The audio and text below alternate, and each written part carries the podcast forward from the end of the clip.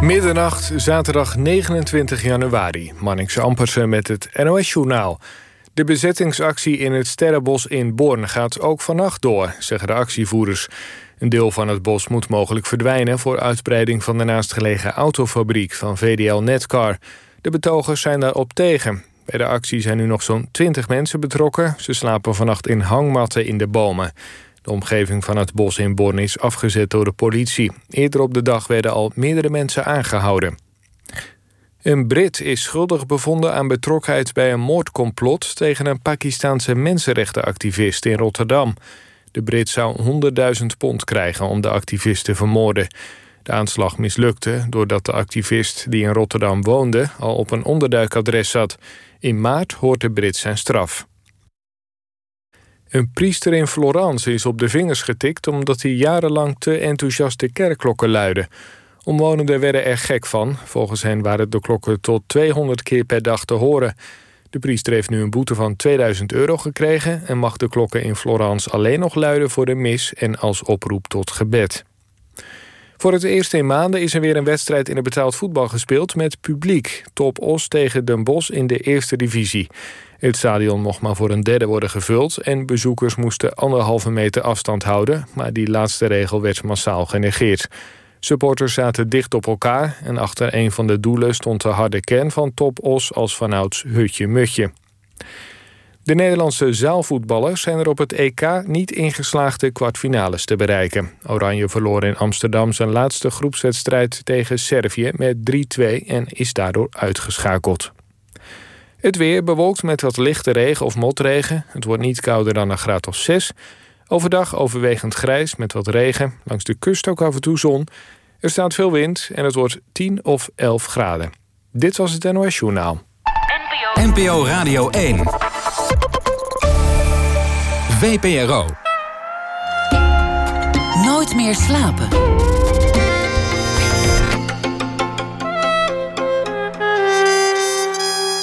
Met Lotje IJzermans. Welkom bij Nooit meer slapen. Overbevolkt, Smerig, onveilig, zeker als je een vrouw bent, en uitzichtloos. Dat was vluchtelingkamp Moria op het Griekse eiland Lesbos. Scenario-schrijver Jolijn Laarman ging er een paar jaar geleden heen om vrijwilligerswerk te doen samen met haar beste vriendin, filmmaker Maaike de Jong. En Maaike leerde daar een tweeling kennen, Malihe en Nahid. En deze meisjes waren gevlucht uit Afghanistan en via Iran en Turkije vastgelopen in Moria. En ze wilden niets liever dan een film maken. die onwaarschijnlijke wens werd serieus genomen door Laarman en de Jong. En volgende week gaat hun film Along the Way in première op het Internationaal Filmfestival in Rotterdam. De Jong en Laarman schreven de film samen met Jan Eilander. Jolijn Laarman is hofleverancier van arthouse films in Nederland. Ze schreef Broos en Brozer, Cowboy en Verdwijnen van uh, Boudewijn Kolen... en de Nederlandse Oscar-inzending van vorig jaar... Do Not Hesitate van Sharif Korver. Allemaal films die zich met gemak kunnen meten... met wat er op internationaal gebied gebeurt. Jolijn Laarman is 62 jaar, geboren en getogen in Amsterdam... getrouwd met cameraman Ton Peters en moeder van acteur Chris Peters. Jolijn, zo leuk dat je er bent. Ja, hallo Lotje. Niet alleen omdat jij het bent, maar ook zo leuk dat ik een scenarist in de studio heb. Want daarmee begint het allemaal, al die prachtige films en series die wij kijken. Het begint allemaal bij, bij jullie. Ja. ja, zo is dat. Zo is dat. Vertel eens, uh, Lesbos. Waarom ging je naar Lesbos? Um, nou, wij gingen naar Lesbos met uh, onder andere ook uh, Jan. Jan Eilander was er mhm. ook bij. Um, en Tom van der Lee, die jij ook kent, die ging ook mee. Schrijver, ja. schrijver. En nou, ze gingen er nog een paar mensen mee. En dat was voor Because We Carry. Dat is een, een um, organisatie en die uh, doet heel mooi werk, deed heel mooi werk in Karetep. Dat is een vluchtelingenkamp uh, op Lesbos. En uh, ook Moria. Ja. Nou ja, Moria kent iedereen van ja. verschrikkelijke beelden allemaal. Um, en toen zijn we nog een keer geweest, een jaar later. En, Wat deed je daar dan? Nou, uh, op Caritep is de bedoeling dat je dus... Uh, voordat je gaat, uh, moet je in ieder geval 1000 euro bij elkaar sprokkelen. Dus ieder van zo'n een team van zeven. En daarvan wordt het ontbijt gekocht voor alle... Alle mensen die in het kamp zitten. in het kamp, ja. En die breng je dan ook rond. Breng je aan de deur, dus niet in lange rijen om, die, om dat op te halen. Breng je rond, maak je zakjes van en, en dan ga je allemaal langs die, langs die uh, cabins waar ze in zitten. En dan zijn er ook vrijwilligers van het kamp die meegaan. Jongen, vaak wat jongeren, zeg maar, mannen, vrouwen. Heel leuk, want daar heb je meteen heel veel contact mee. Mm. En Moria hebben wij, um, de tweede keer dat we er waren, hebben we de, uh, waar de vrouwen zaten, hebben we helemaal leuker gemaakt, geverfd en nou ja, bankjes gestoffeerd en weet ik veel wat we allemaal gedaan hebben. En een beetje kletsen met die vrouwen ook. En, uh, en was dat moeilijk? Nou, nou, het rare is, er is een soort. Zeker, ik kan alleen maar spreken over die vrouwen daar. En uh, het is heel heftig, want dan loop je uh, door zo'n. Je hebt namelijk Moria, het kamp zelf, en dan heb je daar buiten uh, in de, uh, waar de olijfbomen allemaal staan, heb je dan een soort eigenlijk het illegale kamp. Maar dat is gewoon, weet ik veel, wel vijf keer groter dan het echte kamp. Waar ze allemaal in een soort geïmproviseerde hutjes en zo. En dat is waar je altijd foto's van ziet. Met ja. al, al, die lapjes ja. en, ja. ja, en kindjes. En, nou, dat is echt verschrikkelijk als je daar doorheen loopt. Want het is, nou, er zijn bijna geen voorzieningen. Maar er is dus ook een, uh, een uh, gedeelte wat dan een beetje afgeschermd is. En wat s'avonds en s'nachts dicht kan enzovoort. Want nou, het gebeurt ook heel vaak dat er verkrachtingen zijn enzovoort. Het is ontzettend onveilig daar. Je kan je voorstellen dat iedereen die daar, of heleboel mensen die daar zijn, die hebben nou ja, die zitten tot hier met hun trauma's. Dus het is echt verschrikkelijk.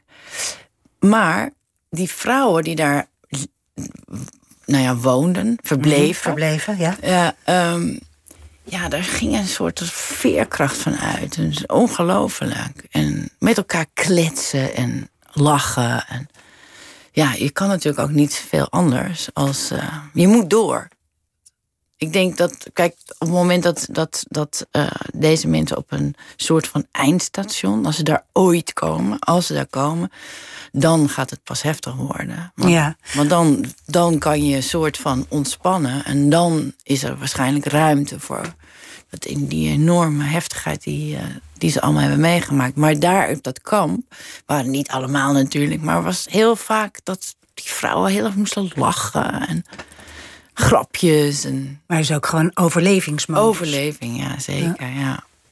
En Meike, Meike de Jong, de regisseur, die leerde daar uh, die tweeling ja, kennen. Die is later nog een keer geweest. En um, de, je hebt daar um, een Refocus Media Lab, heet dat.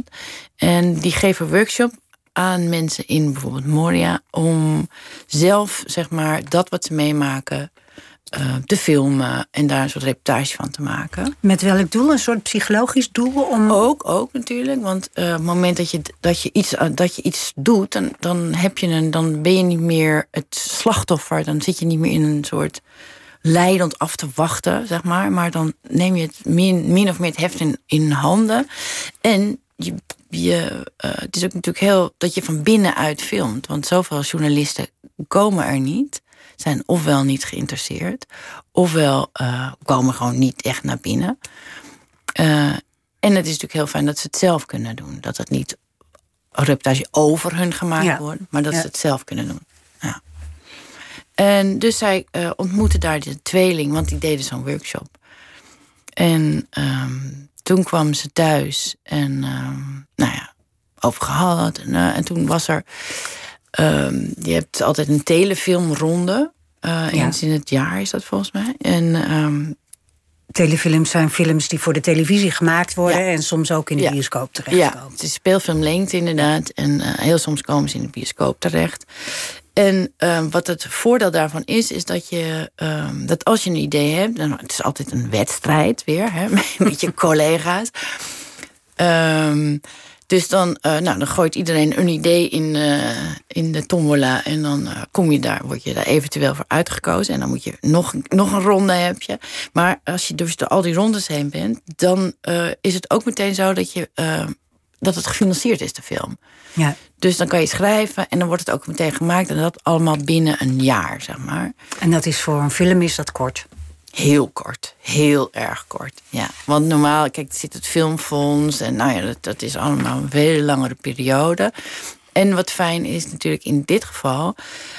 zat er ook een. eh, en nog steeds zit. Maar bij die meiden zat er natuurlijk ook een urgentie. Want zij za- zaten in Moria toen. En ehm, nou, toen wij gingen, met ze gingen praten, toen zaten ze niet meer in Moria. Want eh toen zaten ze in Athene, waren ze overgebracht eh, naar het vasteland. Maar ja, de, de, de urgentie is natuurlijk.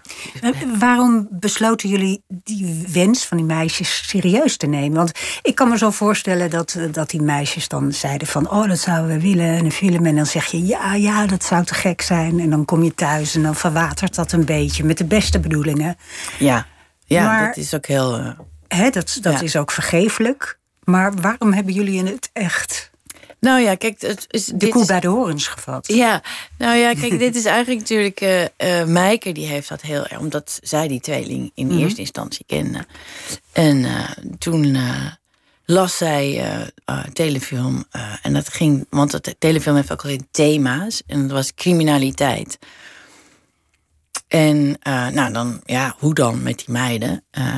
Maar uiteindelijk hebben wij het eigenlijk. Ehm, kijk, dat, de, de telefilm volgt het leven van die meiden. En ze zijn hun ouders eh, op de grens eh, Iran-Irak eh, kwijtgeraakt.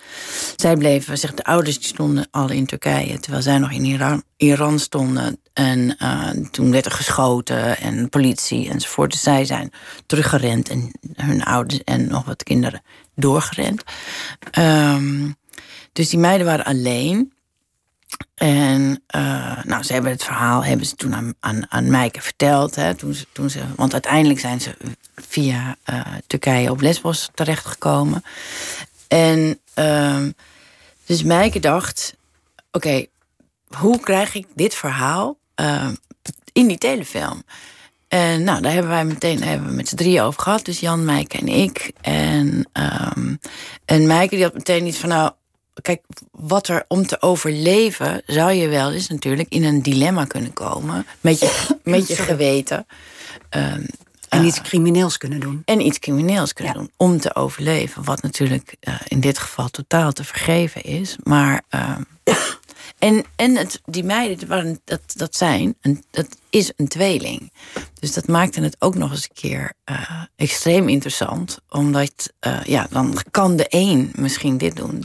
eh, in, een beetje in de criminaliteit terechtkomen. En de ander misschien niet. Dus dat kan dan het geweten zijn. Nou ja, dus Ja. allemaal filmische dingen gingen erop staan. En Jullie zijn naar Athene gegaan, jullie zijn met hun gaan praten. Jullie hebben hun eigen leven als uitgangspunt genomen. ja.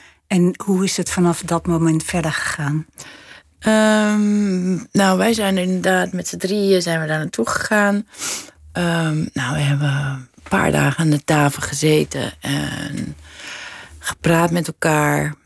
En ehm, nou, dat was eh, ja extreem. Hoe zeg je dat?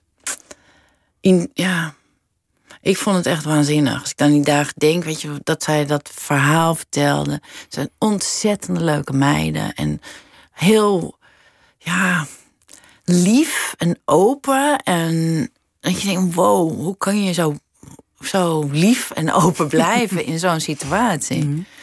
Ehm, nou ja, dus zij hebben dat verhaal verteld. Nou, echt heel erg. Af en toe een beetje zo half huilen. Ik ook. Niet, eigenlijk iedereen was heel, werd er gewoon, ja, zo'n heftig verhaal. Ehm, dus toen zijn wij weer teruggegaan naar Nederland. En toen kwamen wij ook wel van, wow, ja, dat verhaal, kun je dat gebruiken? Of, of hoe dan? En ja, dat moet je toch dramatiseren, want het is een speelfilm. En eh, nou, dat hebben we gedaan, daar hebben we heel lang over gehad. Hoe we dat goed doen, waar de focus op ligt. Hoe dan, hoe, wat is dan het thema criminaliteit? En ja, wij gingen eigenlijk, ik bedoel, als iets crimineel is, zijn wij het. Dat wij niet gewoon die mensen binnenlaten die eh, eh, extreem eraan toe zijn. En eh, ja, niemand gaat zijn huis en haard verlaten Nee. Dus het, de term bijvoorbeeld gelukzoekers vind ik ook echt één van de ergste termen die er zijn. Want ja, hoezo? Alsof je zomaar fluitend weggaat. Nou, je gaat niet al die risico's nemen als het niet keihard nodig is. Nee. Maar dus uh, wij hebben daar heel lang over gehad. Wat is dan de focus? En nou, wat natuurlijk, ik bedoel, buiten dat het natuurlijk verschrikkelijk is uh, voor iedereen. Maar vrouwen die op de vlucht zijn, die zijn nog extra kwets, kwetsbaar. Kwetsbaar, ja. ja. Um, dus wij hebben ons heel erg gefocust op de vrouwen. Door middel van die meiden. En wij hebben hun verhaal genomen. En um, dat natuurlijk gedramatiseerd en daar van alles, nou ja, van al, ja, veel bij verzonnen, want dit is niet helemaal hun verhaal natuurlijk. Daarmee zijn we, we zijn ook nog naar uh, hun ouders geweest. Uh, want hun ouders waren inmiddels wel ja. uh, in West-Europa aangekomen. Ja. Die zaten in Duitsland. Duitsland, ja. En daar hadden ze, dat vond ik ook wel ontroerend, dat ze contact hadden met hun ouders ja. via een iPhone. Dat verzin je dan eigenlijk ook weer niet. Nee. nee. Dat dat dan dat de moderne ja. dingen daar ja. ook weer doorgaan in ja, zo'n kant. ja. Maar dat soort dingen, weet je, want daar heb je het dan over. En dat, nou ja, het moment dat ze dat dan, dat ze dan uitvonden dat die ouders daar gewoon, ja, dat die nog leefden. En dat, die, dat ze eindelijk weer in contact met elkaar kwamen. En um, ja, dat was echt wel ja, van die mooie, ja, van die mooie verhalen zijn dat. En um, en toen zijn we dus weer teruggegaan naar. Toen we dus uh, een, een, min of meer soort nulversie van het script hadden, zijn we weer teruggegaan naar Athene en hebben we het voorgelegd. Ja. En helemaal met hun besproken. En uh, zij konden ook echt aangeven van nou, ja, dit, dit eigenlijk, zo was het niet, of zo was het wel, of misschien kunnen we dan. Dus we hebben. Ja, echt in hun, samenspraak ja, met, absoluut, met hen. Ja, met uh, hun inbreng, ja. Ja. En uiteindelijk met een heel, hele kleine crew waarschijnlijk gaan filmen. Want uh, uh, het ziet er bijna documentairachtig uit ook. En dat moet ook. Um, en, en, en het is ook een soort hybride speelfilm. Want er zitten ook andere vrouwen tussen. Ja. Die vanuit het kamp hun verhaal vertellen kort.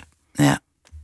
Dat is echt, uh, ja, dat hebben we dus wel, zeg maar, op de, op de schrijftafel verzonnen. Maar dan is het natuurlijk nog best wel. Um, hoe krijg je dan die vrouwen? Want dat waren echte vluchtelingen ook. Ja, er, ja, er zitten allemaal, geen acteurs ja, nee, in de film. Nee, nee allemaal. En um, dat is ook het mooie, want bijvoorbeeld heb ik heel veel mensen meegeholpen, zeg maar ook uh, uh, uh, om dus bijvoorbeeld, want, want zeg maar zo, dan heb je een groep en die zie je dan zogenaamd op de Iran-Turkse grens, dat was ergens in Griekenland. Maar het zijn allemaal vluchtelingen die dit dus allemaal mee hebben gemaakt. Ook op een gegeven moment stappen ze in een boot. Het zijn allemaal vluchtelingen. Jeetje, en kwam daar veel bij de mensen boven van, van de, ja, dat je er eigenlijk een soort herbeleving van de ervaringen die ja. ze gehad hebben? Nou ja, wat ik zo waanzinnig vond, als je, als je kijkt naar die beelden, dan krijg ik, krijg ik helemaal kippen als ik het nu over iets over vertel. Ook eigenlijk weer. Die intensiteit van die mensen ook. Weet je wel, ik bedoel, echt als je, ja, ze zaten helemaal in het moment.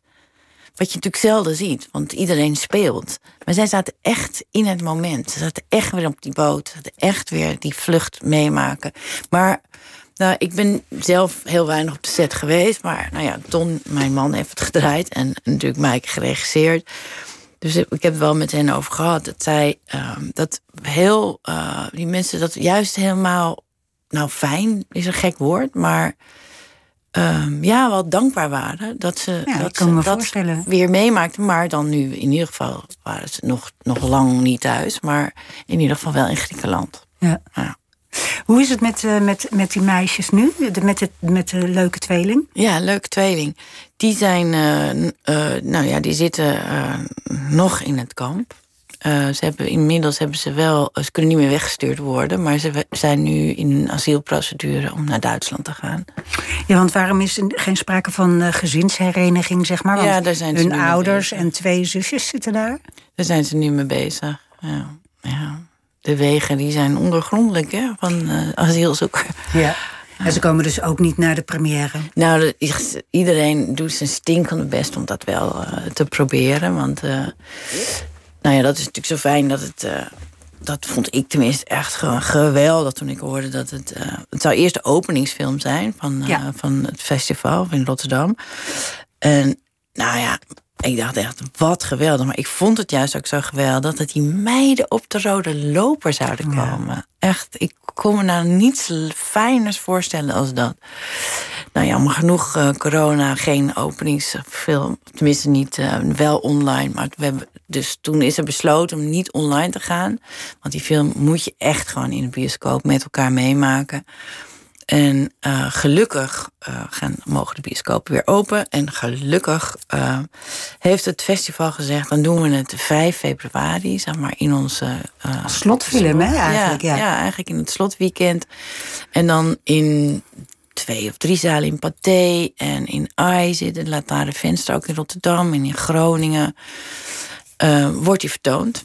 En de producent, Mark Hoek uh, die doet echt ook zijn heel erg zijn best. En het festival. En iedereen doet veel, iedereen doet best om die meiden hier te oh. krijgen, natuurlijk. Ja. Maar dat is nog niet bekend of dat gaat Nee, dat is nog spannend. Ja. je.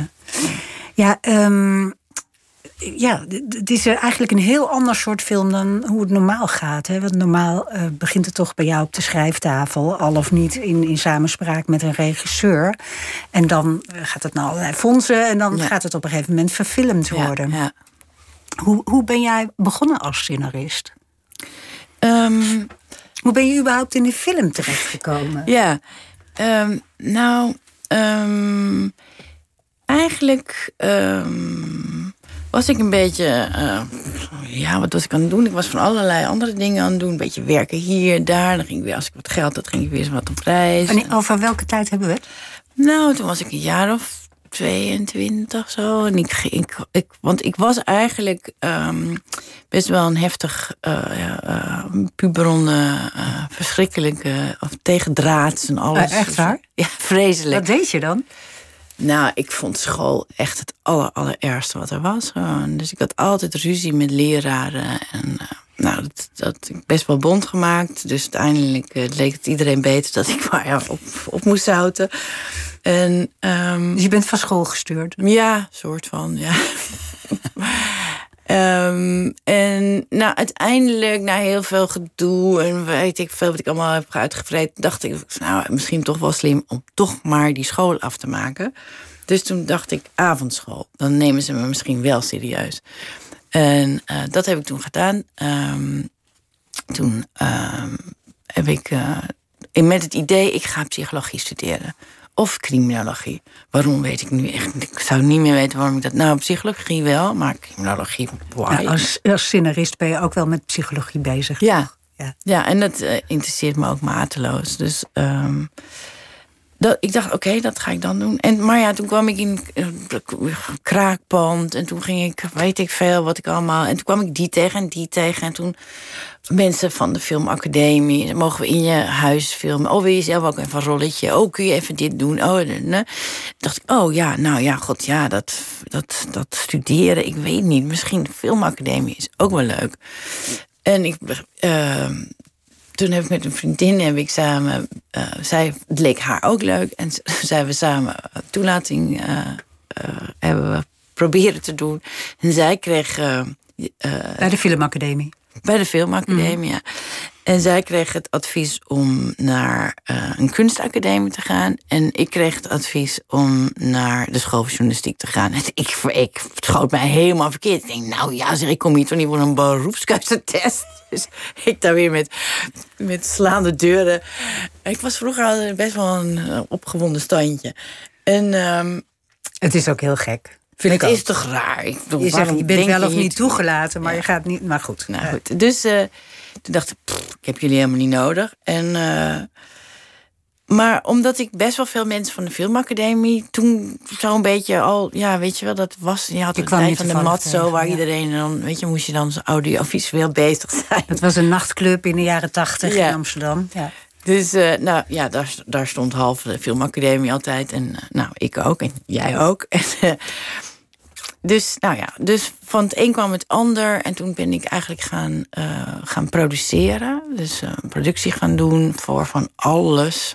Raarste dingen. En, maar toen op een gegeven moment was ik een commercial aan het doen.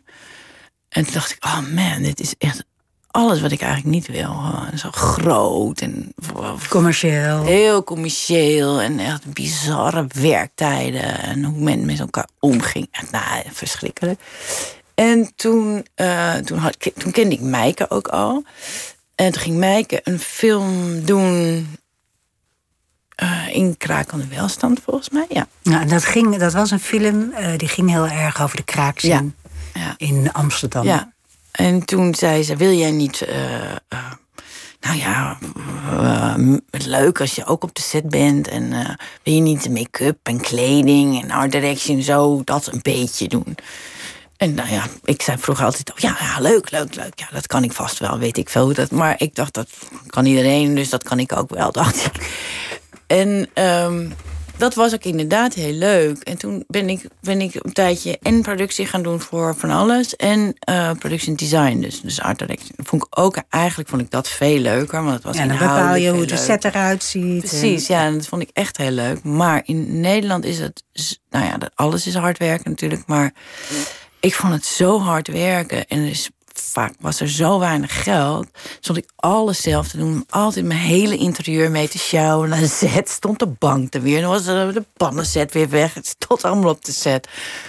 En op een gegeven moment... Um, ook weer met Maaike... Um, hadden we ja, een nieuwe film. Het zou toch wel leuk zijn als het over een groep vrouwen zou kunnen gaan. En, en toen uh, zag ik een recensie in de krant en dat ging over Broos, toneelstuk Broos.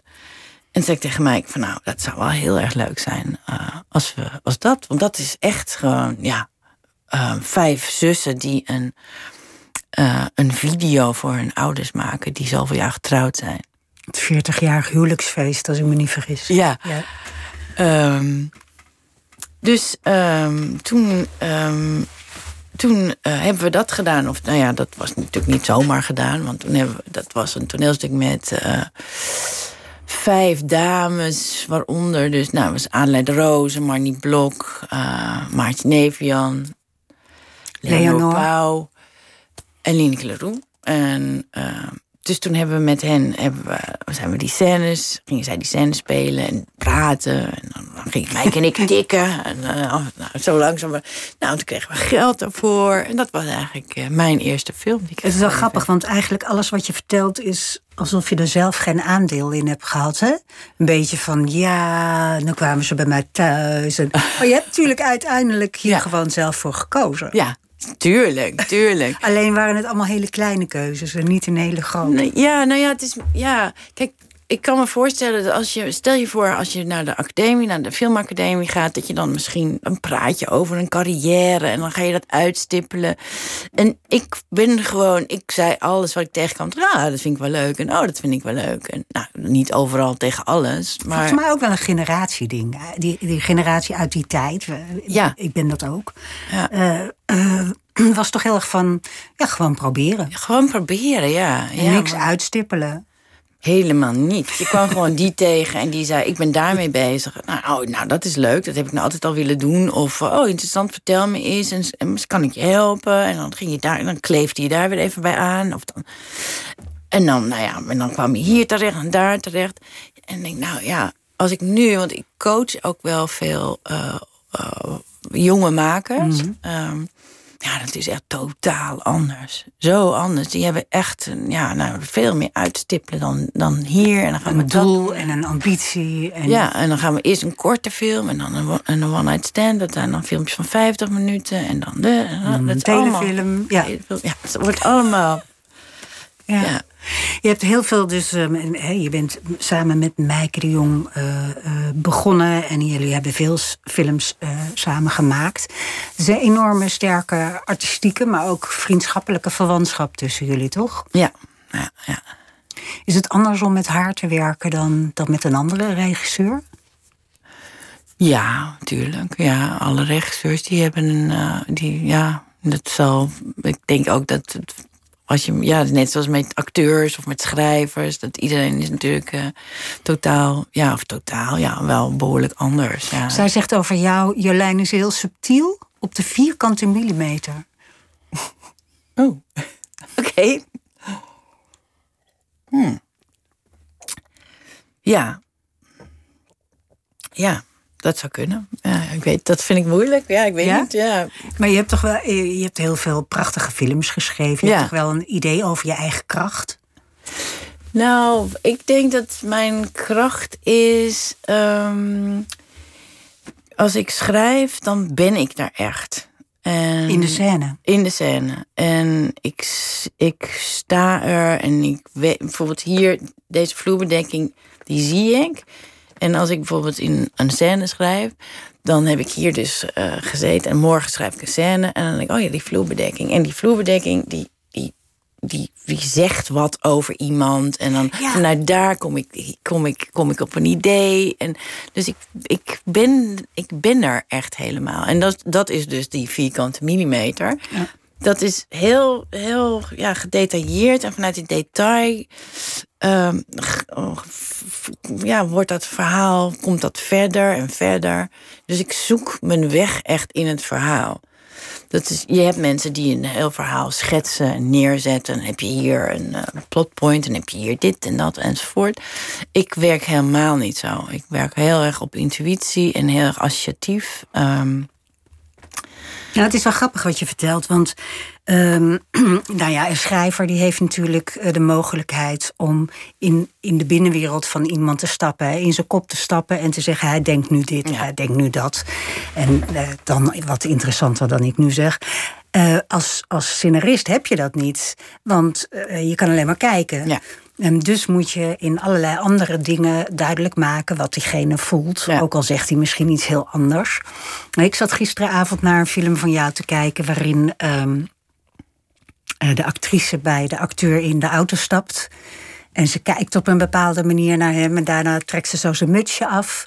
En ze snuffelt even aan het mutsje. verdwijnen. Ja, en eh, dat was zo. Ik dacht van hoe kun je zonder woorden zeggen, zonder dat het uitleggerig wordt, hoe kun je zeggen ze hebben een relatie gehad? Ja, ja, ja, ja. Nou, dat weet je dus nu eh, door zo'n handeling eigenlijk. En dat is natuurlijk het moeilijke van jouw vak. Ja. Dat je altijd met een handeling of met een Ja. blik of met eh, ergens waar je op inzoomt moet vertellen wat, wat het gevoel is. ja. En ik- denk dat je dat heel erg goed kan. Ja. Zoiets, zo, Ja. zo, dat je even aan een mutsje ruikt van iemand. Dat, Ja. dat, dat doe je alleen maar als er een enorme intimiteit is Ja, geweest. ja. Nou, bijvoorbeeld, bijvoorbeeld ik, wat ik dan doe, is dan, ehm, dan laat ik de personages wel met elkaar praten in het begin. om eh, te duiden wat ze willen, hoe ze zijn en eh, waar het eigenlijk. eh, waar het echt, zeg maar, wat de ondertoon is van Ja. scènes. En dan vervolgens haal ik zoveel mogelijk geklets weg. En eh, als het kan. Ehm, of als ik het wel doe, dan maar moet het ook heel veel kletsen. Dus niet eh, dat je. Maar dan is het geklets om niks, zeg maar. Weet Ja, je wel, hoe gaat je het niet over wat er echt aan de hand is. Precies, want dat is echt, vind ik, verschrikkelijk. Dus dat in de scène uitgelegd wordt waarom die scène daar is. Nou, dat is gewoon heel soapy. Ja, ja. Dus, maar dat is best wel moeilijk natuurlijk, om dat te proberen om inderdaad zoiets als zo'n mutsje of, of iets te vinden. Of, maar ja, ja, ja dat, en dat is ook het allerleukste, vind ik ervan. Daar kan en ik echt me gelukkig dat van voorstellen? worden. Jij zit thuis achter je, eh, achter je schrijftafel en je denkt... Hoe, hoe, krijg ik, eh, hoe krijg ik voor elkaar om te vertellen dat ze elkaar al kennen Ja. en iets hebben gehad? En dan komt dit gewoon in, je- in omhoog poppen. Ja, nou weet ik in dit specifieke geval over dat mutsje... dan het zou ook zomaar kunnen dat Rivka, die speelde die vrouw... Rivka Lodijzen. dat misschien zelf heeft gedaan. Dat weet ik niet helemaal, want dat is alweer zo lang geleden. Het gek genoeg, dat vergeet ik. Nee, maar goed, eh, in al die andere scènes die je Ja. geschreven hebt, waarin, oh, hè, ik, ik neem nu maar één voorbeeld, waarin zonder tekst wat wordt uitgelegd, dat, het komt gewoon bij je op. Ja. Is het puzzelen soms? Ja, heel erg. Ja, heel erg. Ja, heel erg. Want bijvoorbeeld, er is natuurlijk ook, zeg maar, je hebt ook een plot. Weet je wel, hoe je van A naar B en, enzovoort komt. En ehm, ja, soms denk je echt, jezus, er moet daar nog wat tussen gebeuren. Want anders, dat daar, dat, en niet zo van, eh, oh ja, ze gaat met de bus naar, naar Groningen of zo. Want dan, dat, hoeft, dat hoef je niet te vertellen. Ze is gewoon, ze, was, ze is in Amsterdam, pop, ze is in Groningen. Dat kan best wel. Maar ehm, het ritme van, het, van, van de film, die wil ook wat. Dus dan lees je het en, ehm, en ja, dan, dan, maar wat dan? Weet je wel? Dus, en dan denk ik, ja, maar het is ook wel best wel. Hoezo, zeg eventjes dat ze naar Groningen. Hoezo weet ze eigenlijk dat ze naar Groningen moet? Weet je wel, dat weet ik, maar hoe weet zij dat eigenlijk? de, de hoofdpersonage. Dus dan moet iemand dat vertellen aan haar. Maar ja, dat is stom. Ja. En, nou ja, dus dat, zijn, dat is die puzzel. Dat is er één op één, dus Ja. dan moet het weer iets Ja, dus de puzzel is van hoe krijg je alle informatie zo dat het dat dat logisch is in het echte leven. Is er ook niet iemand die zomaar aanbelt je moet naar Groningen. dus je moet iets, ja, er moet iets gebeuren waardoor iemand dat dan begrijpt en hoe dan. En nou, dat moet dan. En, en vervolgens kan je daar heel erg lang mee bezig zijn. Dan moet je opeens alles omgooien, want dan klopt dit niet en dat niet en nou ja, enzovoort. Het valt me ook op dat je vaak, ehm, eh, zeg maar, niet de grote momenten vertelt, maar dan bijvoorbeeld vlak na een groot moment een scène inkomt. Ja. Zodat je denkt, ja, je hebt de ruzie niet meegemaakt of, of de helpartij niet, maar je ziet dat, dat de tranen gedroogd worden. Ja. ja, dat vind ik heel mooi. Dat is ook een kwestie van smaak. Hè. Sommige Ja, mensen vinden dat helemaal niet mooi. Die willen juist die ruzie heel erg zien. Ehm, ja, ik vind dat heel erg mooi. Want dat, kijk, die ruzie, ja, dat zal wel. Dat zijn heel veel, heel, heel veel gedoe is dat. Maar het gaat natuurlijk ofwel, hoe ben je bij die ruzie gekomen? Dat is eigenlijk het allerbelangrijkste. En ehm, wat heeft die ruzie veroorzaakt? Dat is eigenlijk het Ja. belangrijkste. Want die, dat hele hoogtepuntje daar, dat, ja, dat, het zal wel. Maar dan schreeuw je dingen en dan doe je... Het enige wat erg handig is van ruzie is dat er dan eventjes wat informatie uitgespuugd kan worden. ja, maar jij En bent... 43 jaar geleden deed je dat Ja. ook al. Ja, precies. ja. Dat dus niet, nee. Hey, dat is grappig, want we hebben het nu zo over eh, eh, eh, werk wat je met Meike hebt gedaan en met de actrices als. eh, ehm, eh, nou ja, die vijf die je net noemde. En, en, en, en deze film verdwijnen. Maar je hebt ook eh, onlangs eh, de film Do Not Hesitate geschreven voor Sharif Korver. Ja. En dat is een film over drie militairen die in een, Ja. in een, een Afghanistan of een ergens op een missie zijn. En ehm, ja, dat is eigenlijk een verhaal over macht en onmacht. En over ehm, ja. ja, wat je doet als je bedreigd voelt. ja. Het is, een- het is een film over militairen, maar het is eigenlijk geen. Het Nee, is, geen... eh, ik dacht van, oh, een, jo- een jongensfilm, hè? Ja. Een, een, een mannenfilm. Maar dat is het helemaal niet. nee. Hoe, hoe kwam die film op je pad? Nou, ehm, Dat verhaal op je pad bedoel ik. Nou, iemand eh, bij het Filmfonds, eh Doreen van der Pas, die, bij het Filmfonds, Mhm. die zei tegen Sharif, toen hij daar was met dit idee, ehm, waarom ga je niet eens met Jolijn praten? En nou, ja, die ging dus eh, met mij Ook weer praten. toevallig natuurlijk, hè Jolijn? Ja. Dus die ging met mij praten. En eh, nou ja, klets, klets. En ik had, ja, leuk, leuk, leuk. eh, jongen of man is het eigenlijk. Ehm, en eh, nou, hij had een krantenartikeltje al heel lang bij zich. En had ook, ook al, nu al, toen ik hem ontmoette, ook al research gedaan. En soort. En het krantenartikel ging over het debriefen, eh, in, in dit geval op Kreta, van eh, de Nederlandse militairen die eh, een, een, een missie hadden gehad in het buitenland. Dus stoom afblazen voordat je de maatschappij weer ingaat. En dat stoom afblazen, dat was af en toe best wel heftig. Kroegen werden in, in elkaar ges- geslagen. Er werd vreselijk veel gedronken. En nou ja, van alles. Je En- kan er van alles bij ja, en er, was een, eh, er, was ook, er waren journalisten ook, eh, die hadden daar een, een stuk over geschreven. En, nou, Sharif die had dat al jaren bij zich en die was daar totaal in geïnteresseerd. En hoe, wat gebeurt daar? En, nou en zo. Dus die ging dat beetje soort half pitchen bij mij. En ehm, ja, ik dacht, ja, ja, weet ik veel, militairen. Iets met elkaar, mannen die afblazen. Ja, Ja. ja, ja, ja, moet je, ik denk niet dat je bij mij moet zijn. Maar toch, ehm, ik was wel heel erg. eh Sharif heeft een heel. eh, ja, dat weet je nou inmiddels wel. Weet je, dat heeft Maaike ook bijvoorbeeld. En weet je, een soort vuur. En weet je wel, hoge ambitie. En. ehm, ja, ik dacht, nou, ik ga niet zomaar nee zeggen. Kijken hoe we dit verhaal kunnen krijgen, zodat ik dat leuk vind om te schrijven, dat het ook bij mij past. Want ik hoef, ja, ik ga niet, ja, mannen die een kroeg in elkaar gaan slaan. Alweer, hoe komt dat dan? Wat gebeurt er dan? En, en nou goed, dus dat heeft best wel even geduurd voordat we eh, uit heb hadden gevogeld. Wat willen we dan eigenlijk vertellen? Want die debrief, dat is gewoon, ja, dat is eigenlijk een ontlading een einde, zeg maar. Weet je wel? Dus, maar hoe, wat, is, wat, hoe, wat gebeurt daarvoor dan? Nou, toen heb ik zo'n heel kathedraal van helemaal geschreven. En het filmfonds gaf, gaf meteen wat geld. En, nou ja, dus toen kwam ik met een scenario. Uh, en kijk, en het gaat dan zo: ik schrijf en dan praat ik weer met, in dit geval met Sharif. Nou, dan, dan sparren we en dan, en dan, nou ja, goed, dan gaat het zo heen en weer. En dan, nou, oké, dit is wel leuk, dit is niet leuk. Maar als we nou dit zo doen en zo doen, nou, dan ga ik weer schrijven. En toen had ik een scenario geschreven en uh, nou, iedereen vond het leuk. Inmiddels was de NTR in geïnteresseerd enzovoort. En toen opeens, look, toen bleven we in het zand van het filmfonds steken. Uh, en, uh... Ja, want in Nederland, dat is even voor de luisteraar die niet in die wereld zit je moet een, een omroep hebben en het geld komt altijd van het filmfonds. Filmfonds, ja. Het is niet zo als in Hollywoodfilms dat er rijke producenten zijn die een zak met geld op tafel leggen. Nee, het is altijd van het filmfonds. Ja. En daar bleef je steken met je mooie verhaal. Ja, met waar daar wij dachten met ons mooie verhaal. En uh, want dan in, in kijk, het film, kijk, en het is, dat is nu aan het veranderen, want er is eigenlijk geen Kobo-fonds. Was dat dan, weet je wel, de omroep heb je dan en dan heb je de, nog een fonds, dat heet het Kobo-fonds.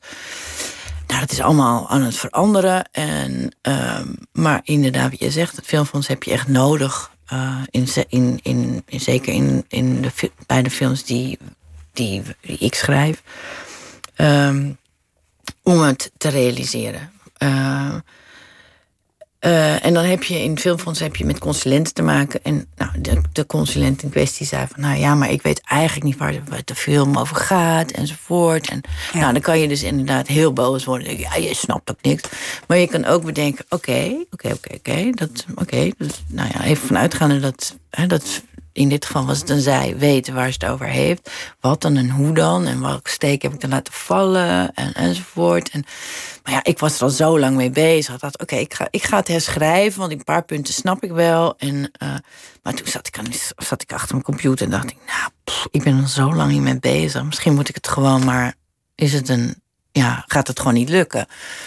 Maar ja, kon ik ook niet uitstaan. Dus toen dacht ik, weet je wat, ik gooi gewoon alles weg. Ik begin gewoon helemaal overnieuw. Uh, maar wel met een behouden van een paar elementen van het, van het oude script. Heb ik in het nieuwe script ben ik, heb twee dagen op internet gezeten. Wat ik dan kon doen. Toen zag ik een heel klein berichtje over een soldaten die uh, een, een, een Bushmaster moesten. Dat is zo'n enorm groot vehikel waar je, hè, die, die tegen mijnen zeg maar kunnen. Uh, die die Bushmaster moesten bewaken, uh, voor, een, voor, voor dat. Uh, voor een, voor een, nou, ik weet niet precies meer, geloof voor een dag of zoiets. Zodat hij zodat die geborgen kon worden. Omdat die dingen natuurlijk knetterduur zijn met al die apparatuur erin. Die, of die blazen ze op, of ze, ze proberen ja. het ding mee te slepen. Of ja. op te takelen met, weet ik veel, helikopters enzovoort. Dus dat zag ik. En toen dacht ik, hé, hey, nou, dat is dat, precies dat. Dat wil ik. En toen heb ik dat allemaal zo weer helemaal herschikt. En, en die dreiging enzovoort. Van, en toen werd het een hele kleine film die precies dat zei. Waar we dan de hele tijd mee bezig waren. Ja, dus je moet een ontzettend uh, incasseringsvermogen hebben als. Ook, ja, zeker. Omdat iedereen, hè, eh, iedere omroepbaas en iedere filmfondsdeskundige eh, en iedereen heeft een mening. Een producer, een regisseur. Dan moet jij allemaal ja, kunnen allemaal incasseren. Ja. En dan toch uh, genot vinden in het schrijven. Nou, het, dat, het moeilijke daarvan is dat. Uh, kijk, je moet even van uitgaan dat iedereen die zeg maar, daarmee bezig is. Natuurlijk, er zijn, er zijn ook wel mensen waarvan dat het misschien niet helemaal van toepassing is, maar dat iedereen toch een warm hart heeft naar dat project waar je mee bezig bent. Dat is natuurlijk ook zo. Ja, en ook uh, hopelijk uh, uh, know-how. Dus als iemand wat zegt, feedback geeft, dan kan, is het natuurlijk soms best wel moeilijk. Want dan heb je zo, je ziet het helemaal voor je. En dan zegt iemand wat en denk je, hè, wat? Nee, helemaal niet. En dan is het moeilijk om daar, om daar niet met te veel emotie in te gaan zitten. Want het gaat niet. Er is niet een gelijk of een. Nee, en het is niet tegen jou, maar tegen. Nee, precies. Maar dat, soms voelt dat wel zo. Want op een gegeven moment, als je lang mee bezig bent, wordt het toch wel een beetje je kind. En um, waar je heel veel, heel veel tijd in hebt gestoken. En dan Oh, dan kan je echt wel af en toe woest worden over de feedback die je krijgt. Vooral ook wel, soms is die feedback ook best wel slap. Dan denk je, jongen, denk even na. En dan is het vooral die. Want ook nog eens een keer, ik neem toch alle feedback ook wel serieus. Dus dan ga ik weer naar huis en dan ga ik overal over nadenken. Totdat ik na een dag of twee denk: Jezus, dat is echt gewoon onzin natuurlijk. Dat is helemaal niet zo. Ja, dus, dus het is heel moeilijk zoeken naar je eigen intuïtie. Precies, het is heel moeilijk om een balans te vinden van: oké, dit, dit vind ik mooi en dit. En, en, en bedenk, ja, misschien is dat ook wel een gat in de vertelling. Ja. Of is het dat iemand. Um, maar wat heeft gezegd. Ja, dus je weegt alles en uiteindelijk uh, uh, ga je daar in je eigen koers. Ja. Ik wil ook nog even hebben over de film Verdwijnen. We hadden het er net al even over. Een film met uh, Rivka Lodijzen, geregisseerd en, en, en met... Um, Elsie. Elsie de Brouw. Ja. En geregisseerd door Boudewijn Kolen. En uh, dat is je meest persoonlijke film. Mm, mm, mm. Want uh, de vrouw in de film heeft uh, een ziekte. En jij, jij bent ook heel erg ziek geweest, toch? Ja, ja, ja. ja. ik heb uh, op een gegeven moment was ik een jaar of 49 zo'n beetje. Um, um, nou ja, dat is een heel lang verhaal. Verder uh, niet belangrijk. Maar ik werd ziek. En nou ja, voordat ze erachter kwamen wat het was. Nou, uiteindelijk kwamen ze, wisten ze het, was het uh, uh, acute lymfatische leukemie. En um, nou, dat is niet fijn als je dat hebt. Want dan, uh, dat is, ja, dan, dan doen je stamcellen eigenlijk iets verkeerd. En uh, nou, vroeger ging je daar echt gewoon keihard dood aan. Um, maar, omdat ze tegenwoordig natuurlijk uh, best wel, niet alles, maar best wel veel kunnen. Um, nou, dan ben ik helemaal, nou ja, ik heb enorm veel chemo gehad. En uh, uiteindelijk moet je dan een stamceltransplantatie ondergaan. Maar dan moet je wel de geschikte donor voor vinden. En die, die was er niet. Dat matchte allemaal niet. En dus toen moest ik ook nog anderhalf jaar een soort, soort maintenance noemen ze dat dan. En dat controleerde dat je dan prednison een week hebt. En dan de rest van de maand uh, van allerlei een soort cocktail van pillen en chemo en weet ik veel wat allemaal. Um, dus dat was behoorlijk ingrijpend. Ook omdat uh, het was. Ja, ik heb eigenlijk helemaal nooit bij stilgestaan. Dit zou wel eens echt fout kunnen gaan. Terwijl ik het wel wist. Maar ik dacht, ja, ik, het heeft totaal geen zin om in een hel van een.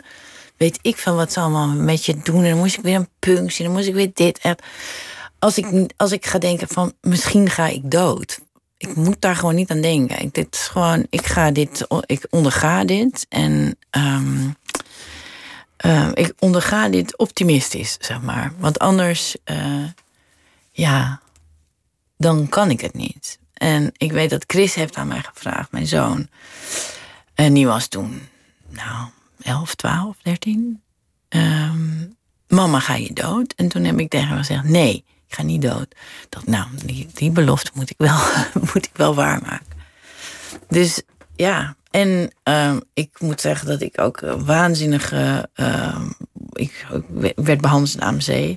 Echt geweldig. Uh, ik had een geweldige dokter, dokter, professor van Oers. en die uh, ben ik nog steeds dankbaar. Ja, en hij is gepensioneerd. En het grappige is dat ik hem nog steeds uh, af en toe zie. Dan ga ik met hem naar de film. gaan we eten en dan gaan we, nog, gaan we vieren dat ik nog leef. Ja, dat is echt heel bijzonder.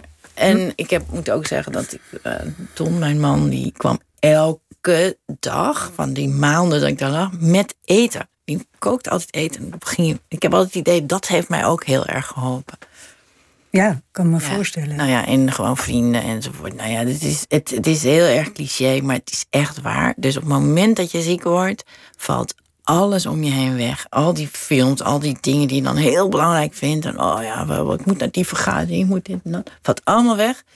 En alleen vrienden, je liefjes en vriendinnen. En dat blijft allemaal. dat is alleen maar belangrijk. Nou ja, dat is natuurlijk van, van een ziekte. Dan word je des te meer erop gewezen hoe ongelooflijk eenzaam wij alle zijn uiteindelijk. En dat is ook wat heel erg in dat scenario van verdwijnen terechtkomt, waarin een vrouw uh, naar Noorwegen naar haar moeder gaat ja. om te vertellen dat ze ziek is. Ja. Is het uh, verwerking geweest, het schrijven van die film? Mm. Want je had het er straks over die uh, vrouwen in Moria die Ja. uh, in een overlevingsmodus stonden. En pas als ze op het land uh, echt ergens thuis kwamen, dat Ja. ze dan. Zo kan ik me voorstellen dat jij ook, toen je eenmaal weer geloofde dat het goed ging gaan met je lichaam. Dat je ook toen pas toekwam aan het verwerken. Nou, het gekke is dat ik juist ehm, dat tegenovergestelde heb gedaan. Namelijk, ik ben heel hard gaan werken. Echt? Ik ben heel hard gaan rennen eigenlijk. Ja. Ik was, eindelijk was ik klaar met al die pillen enzovoort enzovoort. En toen werd ik eigenlijk, ja, dat is ook heel raar. Dan zou je denken, nou dan ben je toch godsblij dat je beter bent. Maar toen werd ik eigenlijk best wel een beetje depressief. Uh, waarschijnlijk ook wel door um, al die pillen enzovoort enzovoort. Dat je een soort, nou ja, dat ja, maar ook uitgesteld of zo. Ja, ja, waarschijnlijk. Maar bijvoorbeeld prednison is heel raar. Daar word je ja. heel hyper van. En dan, dus was ik een week heel hyper. En dan ging ik alles, dan ging plannen en dit en dat. En dan ik lulde iedereen een oor van zijn kop. En dan, dan die, die weken daarna werd ik natuurlijk, zakte ik weer helemaal in. Dan moest ik al die plannen weer, moest ik allemaal die afspraken weer ja. afzeggen. En zo. Jongens, en, toch niet. Toch ja. niet, ja. En, uh, maar ja, goed, dat, dat, als je zo heen en weer stuitert en dan is het opeens klaar, dan is dat eigenlijk best wel een gat. Want je bent de hele tijd bezig geweest Hmm. beter worden, vechten. En dan opeens is er helemaal niks meer te vechten. En dan heb je nog steeds dat harnas aan. Sta je nog steeds met je gebalde vuisten. Want je, je weet niet meer wat je moet doen ermee. Dus ik ben eigenlijk heel hard gaan werken. En, um, en gelukkig is dat op een gegeven moment is dat wel weer wat minder geworden. En vooral eigenlijk, en daar komt dat verdwijnen ook een beetje vandaan. Eigenlijk in de natuur was ik het allergelukkigst gewoon. Dan, wat ik opeens viel alles samen. Ik ben er nog. Dat? Nou, omdat de natuur is, die, dat is er gewoon. Dat is, dat staat helemaal niet van wat zal ik nou eens gaan doen of uh, ik moet morgen dit moet. Dat is er gewoon. En dat maakt er helemaal, dat is een soort kracht die, nou ja, ik, onverschillig eigenlijk is. Een soort indifferent dat jij whatever wat er om hun heen gebeurt of hen of mm. Um, en op de een of andere manier is dat enorm rustgevend. Als je daar, als je daar bijvoorbeeld in Noorwegen of in Zweden. Ik ben, ik, heb, ik ben met Boudewijn naar Zweden geweest. Want het zou eerst daar gedraaid worden. Uh, en uiteindelijk is het, door, is het gelukkig naar Noorwegen verhuisd. En uh, uh, naar, naar sneeuwlandschap enzovoort. Ja, en dan loop je door die bossen in Zweden, jongen. Echt zo waanzinnig. Die uitgestrektheid. Het is zo fantastisch mooi daar. Um, ja. En wat gaf het je na die ziekte? Nou, toen heb dat, die, dat, zeg maar, die, dat volledige geluksgevoel in, in de natuur. Van ik ben er nog. En dat is eigenlijk, is dat, gaat dat zo, is dat ook, veet dat ook wel weer een beetje weg. Want dan wordt het toch weer business as usual. En, maar ik heb nog wel steeds die connectie met de natuur. Ik kan nog wel steeds bijvoorbeeld bergen of die, weet je wel, je zo, dat immense van de natuur. Dan, dan voel ik nog wel dat wat ik toen voelde toen ik beter was. En dat ik, uh, toen heb ik ook heel veel gewandeld en zo. Ja, dan voel ik dat nog wel. Maar gelukkig, kan je ook zeggen, is het niet dat ik toch elke dag daarmee bezig ben. En ik weet eigenlijk niet of verdwijnen, of mij dat nou dat nou verwerking is geweest. Ja, het is misschien ook een beetje te simpel, maar ja. ik kan me toch ook weer voorstellen dat hè, als je schrijft over een vrouw met een levensbedreigende ziekte die gaat verdwijnen, dat dat wel. Nou, het ging ook is. voornamelijk wel ook wel heel erg over de moeder-dochterrelatie. Ja. Was dat ook? Was dat? dat was geloof ik belangrijker. Voor jou? Voor mij, ja. Ik vind uh, uh, sowieso vader-zoon, maar dat, ik vind dat moeder-dochterrelatie en, en patronen in, in gezinnen, dat vind ik altijd heel interessant. En hoe was jouw relatie met je moeder? Nou, niet zo. Niet zo, nee. Nee. Nee, uiteindelijk, ehm, bijvoorbeeld in de film, uh, daarom was die film ook bij, dat een van mijn persoonlijkste films.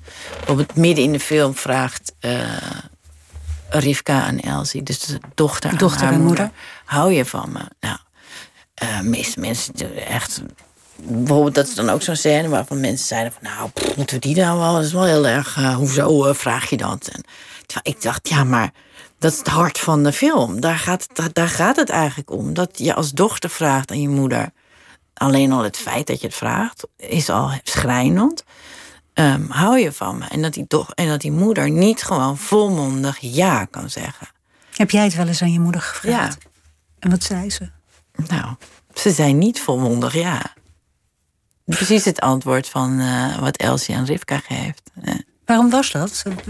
Was je Nou, moeder er niet toe in staat? Nee, ja, ook, weet niet, ook een soort generatie en een bepaalde. Mijn hele familie komt oorspronkelijk uit Groningen. Misschien die, dat iets mm stugger. Dat, uh... Ja, en over dat soort emoties praat je niet. Maar goed, als je kind het vraagt, hou je van me? Ja, Dan is het het kortste an antwoord. antwoord zou je toch denken. ja. ja, ja, ja. Nou moet ik wel zeggen dat uh, moest ik wel bijna dood voor gaan, maar in het ziekenhuis werd mij opeens wel heel erg duidelijk dat mijn moeder wel degelijk van mij hield. Um, maar ja, dat is natuurlijk ook wel logisch. Als je dochter bijna doodgaat, dat je dan uh, dat er dan En- uh, en- liefde vrij En denk je, Jolijn, dat ze het gewoon niet kon zeggen? Ja, uiteindelijk. Ja, Ja. Dus ze hield wel van je. zeker. Ja. En ook al is het niet zo, dan geloof ik dat gewoon lekker wel. Ja, Nee, ze zou wel denk- gek zijn. Ze zou wel gek zijn, inderdaad. Nee hoor, ik denk zeker dat mijn moeder wel van mij hield. En, ehm, en zij natuurlijk, weet je wel, of zeg maar, als je ouder wordt, dan ga, tenminste ik ehm, ben ook best wel milder over mijn moeder gaan nadenken. Ik, bedoel, ik was ook wel niet de makkelijkste, dus eh, Nou, dat. En, en ehm, het, het, je, je hebt er zo weinig voordeel aan om eh Ook, eh, ja. wrok te koesteren. zeker. En dat moet je zeker niet doen. Nee, zeker niet. En je vader trouwens? Ja, mijn vader was een hele lieve man, maar zoals die hele generatie, denk ik ook gewoon zo'n eh, afwezige vader. Hè? Wie, wie, wie is die man die Die op zondag het Ja. vlees snijdt. Dat Ja. was jouw vader. Ja. Ja. Maar verder ook niet, eh, weet je, het is ook allemaal niet zo heel bijzonder qua, oh ja, ik werd geslagen of iets. maar gewoon dat hele, ja, dat eenzame gevoel als kind, weet je, dat je denkt, ja, the fuck doe ik hier eigenlijk? Ja. En dat is toch wel heel fijn als je, eh, als je daar enig begeleiding in krijgt. Nou, Wat bedoel je met begeleiding? nou, dat je het gevoel hebt van, oh, mijn ouders begrijpen dat Ja, gevoel. ja, ja. Weet je, of die, weet je, je, je kan daarover praten. Of, uh, Ja. goh, heb jij dat nou ook? Of uh, dat. Is dan jouw enorme verbondenheid met, met Mijke de Jong en haar gezin en jouw gezin? Ik, ik ken jullie eigenlijk helemaal niet. Ik kom jullie eens per vijf jaar tegen. Maar jullie zijn dan altijd samen op de een of andere manier. Ja. Is dat een familie? Is dat je Ja. jezelf verkozen familie? Ja, zeker, zeker. Ja, zeker. Ja, dat denk ik dat dat ook tegenwoordig veel meer is. Hè? Dat je dat, dat tenminste, ja, ik ken best wel veel mensen om mij heen waar vrienden best wel heel belangrijk is. Wat eigenlijk een soort. We wonen allemaal gewoon verspreid, vaak over het hele land. En het is niet meer logisch dat je moeder op kinderen past enzovoort. Weet je wel, dus dat ze om de hoek wonen. Ja, dus dan als. Ja, als reactie heb je dan natuurlijk dat ofwel je hebt een buur of zo'n straat of een hele goede vrienden, wat dan je veel meer familie is. Bijvoorbeeld in dit geval met Mijke en Jan en hun zoon David en mijn zoon Chris. Die zijn dan weer heel goed bevriend. En David heeft dan op de filmacademie gezeten en Chris op de toneelschool. En die hebben dan samen weer een film gemaakt. Nou, dat is leuker kan het niet worden, vind ik. Nee. Dat dat zo door elkaar heen loopt. En dat ik, nou ja, gewoon. Dat je elkaar allemaal zo lang al kent. En En dat vervangt ook heel erg eh, familie en wat familie kan geven. zeker, ja. Ik had nog een heleboel eh, vragen aan je eigenlijk. Ook over toekomstige scenario's. Maar het uur is om. Oh, is het uur alweer om? Ja. Nou, ja. Ja, Ja, dus ja, ja. Jammer. Nou, andere ja, keer. Jammer. Ik wil je heel erg bedanken voor je komst eh, naar de studio en de film eh, Along The Way. Ja. Draait dus uh, binnenkort in een heleboel bi ja, bioscopen. draait ook nog trouwens. Dat is ook wel Do Not Hesitate draait ook nog. Nou, ik kan het allemaal heel erg aanraden. Bedankt, Jolijn Laarman. Uh, maandag is Pieter er weer. Je kan het programma als podcast terugluisteren. Uh, maandag komt Roanne van Voorst. Zij heeft het boek geschreven met z'n zessen in bed... over andere nieuwe vormen van liefde. Straks op deze zender podcastgids Wink met Misha Blok, Stan Putman, Vincent Bijlo en een gast.